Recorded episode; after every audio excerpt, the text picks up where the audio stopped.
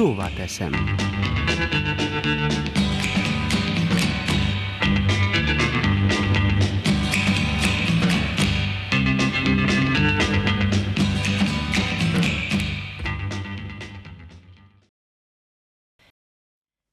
Ahogy felnyitottam a szemetes vödör tetejét, nem tudtam onnan levenni a szemem.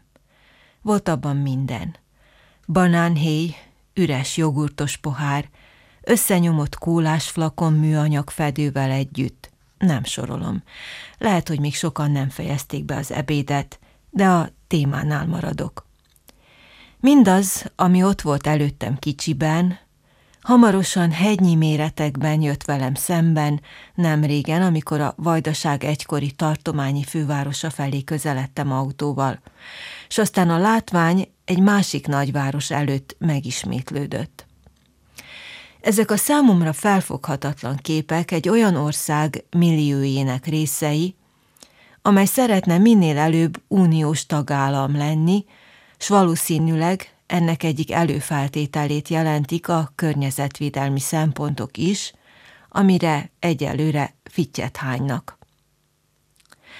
Lehet, hogy néhány évvel ezelőtt a tőlünk nyugatabbra lévő államok polgárai hasonló megrökönyödéssel néztek ránk, ahogyan most mi tekingetünk ezekre a barbár déliekre.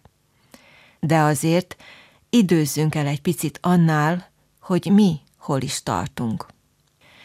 Elég kilépni a lakásból, hogy a szem megakadjon a ház előtti szemetes kosáron, amely veszélyesen telik napról napra, és még akkor is úgy állott, amikor már szemmel láthatóan semmi sem fér bele. És nem ürítik. Mert állítólag még nem telt el a két hét, amennyi belefér a szemétszállítási költségbe. No de Miért is telik ez a kosára bejáratunk előtt olyan rohamos ütemben?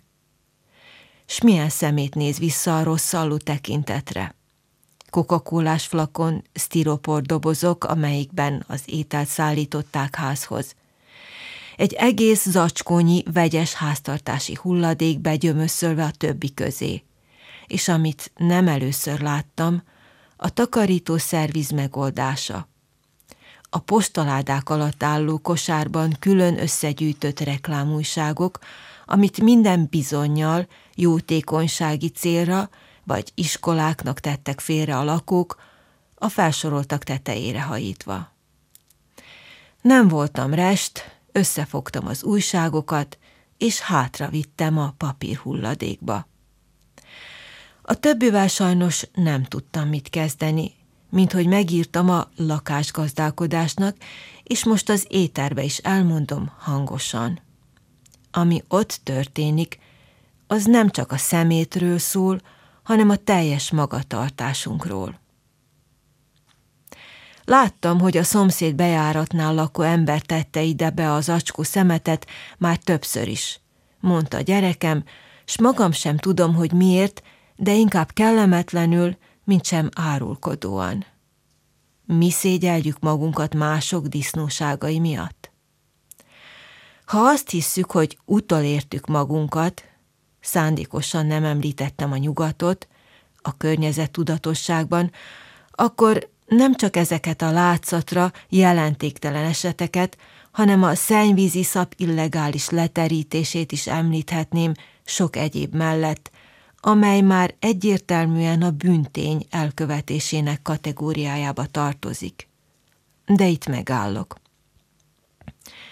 Ezek a jelenségek részben közönyből, a közös iránti nulla értékű viszonyból, másfelől a kivagyiságból, a magamnak mindent megengedhetek, nekem aztán senki nem fog parancsolni, pozícióból erednek. Az elmondottakat mégis jó hírrel szeretném zárni, mivel láttam olyat is, hogy az említett déli országban az illegális szeméttel borított területről, a költségekkel is, teherautó számra hordják el a hulladékot, és lassan újra láthatóvá válik a fekete, humuszos talaj. Mert a föld túlél bennünket is.